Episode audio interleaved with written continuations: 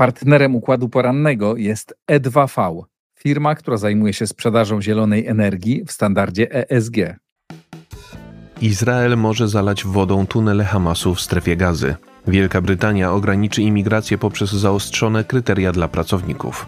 Hiszpania uznała dwie organizacje aktywistów klimatycznych za zagrożenie dla bezpieczeństwa. Ulice w Barcelonie będą nosić imiona feministek zamiast świętych.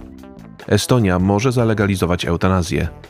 Emisja dwutlenku węgla z paliw kopalnych osiągnie rekordowy poziom. Środa 6 grudnia to jest układ poranny. Michał Ziomek, zapraszam. Według The Wall Street Journal izraelska armia jest przygotowana na zalanie sieci tuneli wydrążonych w strefie gazy przez palestyński Hamas. Obecnie siły obronne Izraela prowadzą operację w sercu południowej części enklawy.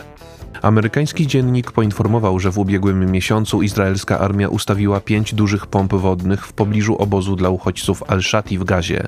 Są one w stanie w zaledwie kilka tygodni zalać tunele Hamasu, wpompowując w nie tysiące metrów sześciennych morskiej wody na godzinę. Na razie nie podjęto ostatecznej decyzji w sprawie zalania tuneli, chociaż Izrael zdążył już poinformować o swoich planach Stany Zjednoczone. Według The Wall Street Journal niemal na pewno operacja nie zostanie wykonana przed zwolnieniem wszystkich zakładników uprowadzonych przez Palestyńczyków 7 października, bo istnieje ryzyko, że znajdują się oni właśnie w tej części infrastruktury zbudowanej przez Hamas.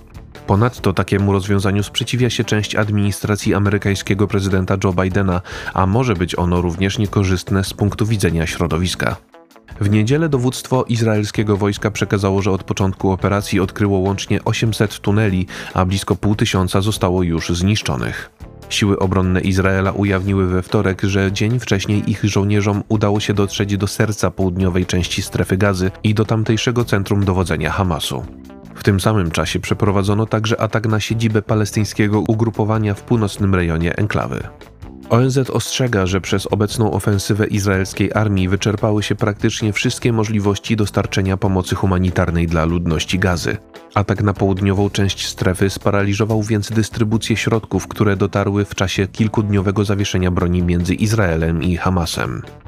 Premier Izraela Benjamin Netanyahu po raz kolejny podkreślił, że bezpieczeństwo w strefie gazy mogą zapewnić jedynie siły zbrojne jego kraju.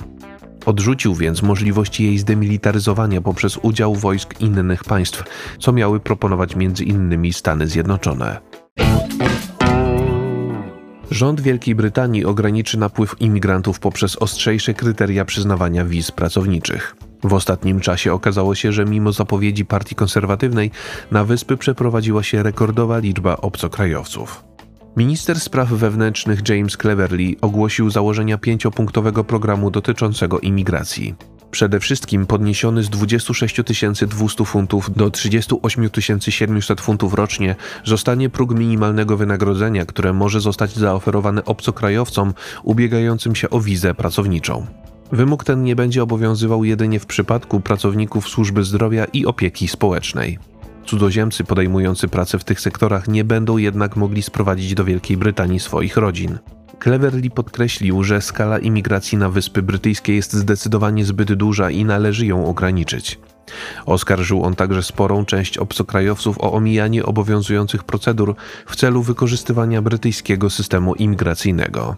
W listopadzie brytyjski Urząd Statystyczny poinformował, że w 2022 roku miał miejsce rekord i do Wielkiej Brytanii przybyło 745 tysięcy imigrantów spoza Unii Europejskiej.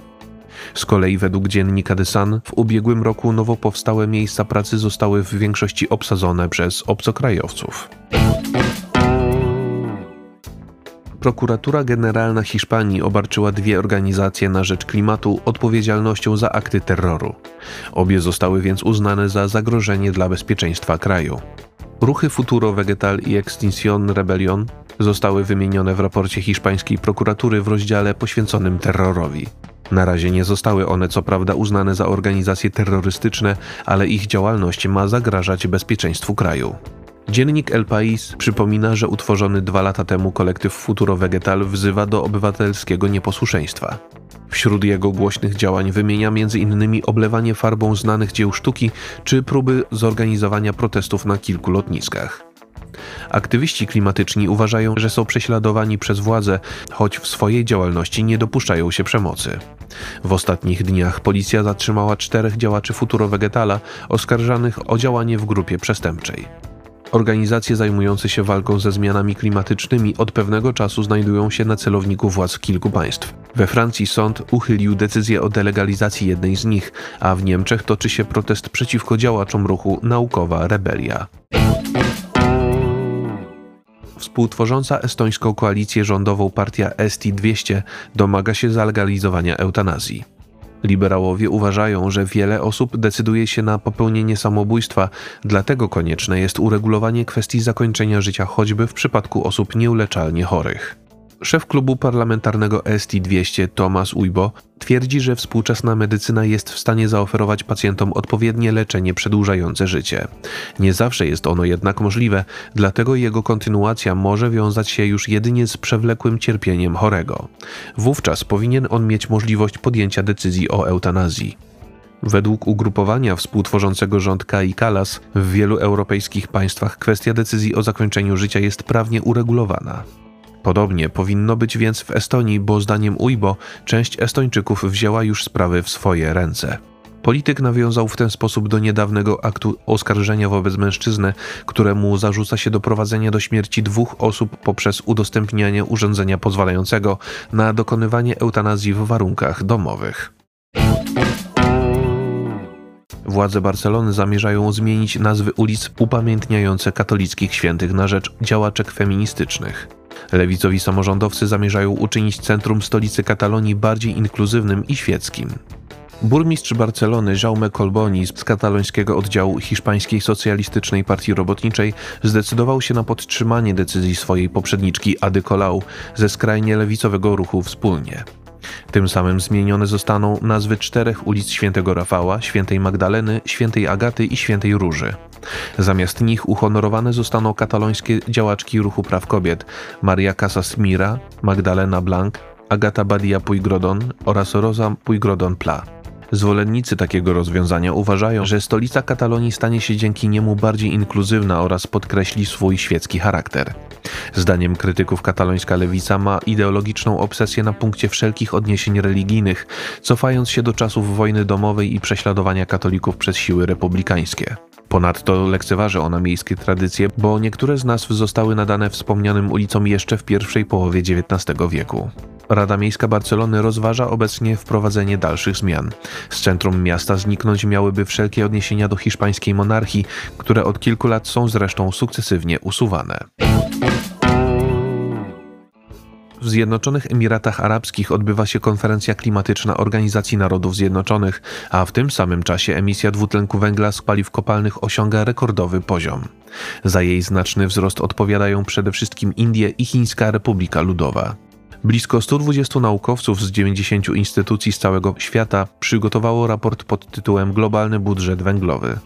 Twierdzą oni, że całkowita globalna emisja CO2 wyniesie w tym roku blisko 36,8 miliona ton, czyli o 1,1% więcej niż w 2022 roku. W ciągu ostatniego roku zużycie paliw kopalnych zwiększyło się znacząco w Indiach i w Chińskiej Republice Ludowej.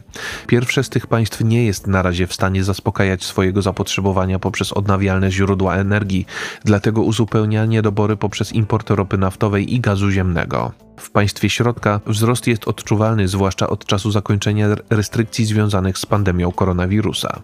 Rozmówcy niemieckiego kanału Deutsche Welle uważają, że skutki emisji dwutlenku węgla są oczywiste, ale środki mające na celu ich redukcję są wprowadzane zbyt wolno. Kierujący wspomnianymi badaniami profesor Pierre Friedlingstein z Uniwersytetu w Exeter w Wielkiej Brytanii twierdzi, że z tego powodu właściwie nieuniknione jest przekroczenie średniego wzrostu temperatur na poziomie 1,5 stopnia Celsjusza. To będzie więc oznaczało niezrealizowanie założeń paryskiego porozumienia klimatycznego z 2015 roku. Publikacja raportu zbiegła się z konferencją klimatyczną COP28 odbywającą się w Dubaju.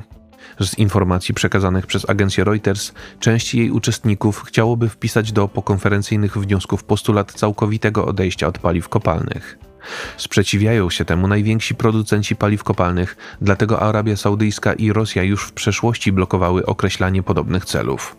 Uczestniczący w konferencji w Zjednoczonych Emiratach Arabskich szefowie największych światowych koncernów energetycznych także krytykują zbyt daleko posunięte propozycje. Ich zdaniem często nie uwzględnia się podejmowanych przez nich działań przyjaznych dla klimatu, w tym ograniczenia emisji metanu. Informacje przygotował Maurycy Mietelski. Nadzór redakcyjny Igor Jankę. Jeżeli podoba się Państwu nasza praca, serdecznie zachęcam do wsparcia Układu Otwartego w serwisie patronite.pl. To wszystko na dzisiaj. Bardzo Państwu dziękuję za uwagę i do usłyszenia w kolejnym Układzie Porannym.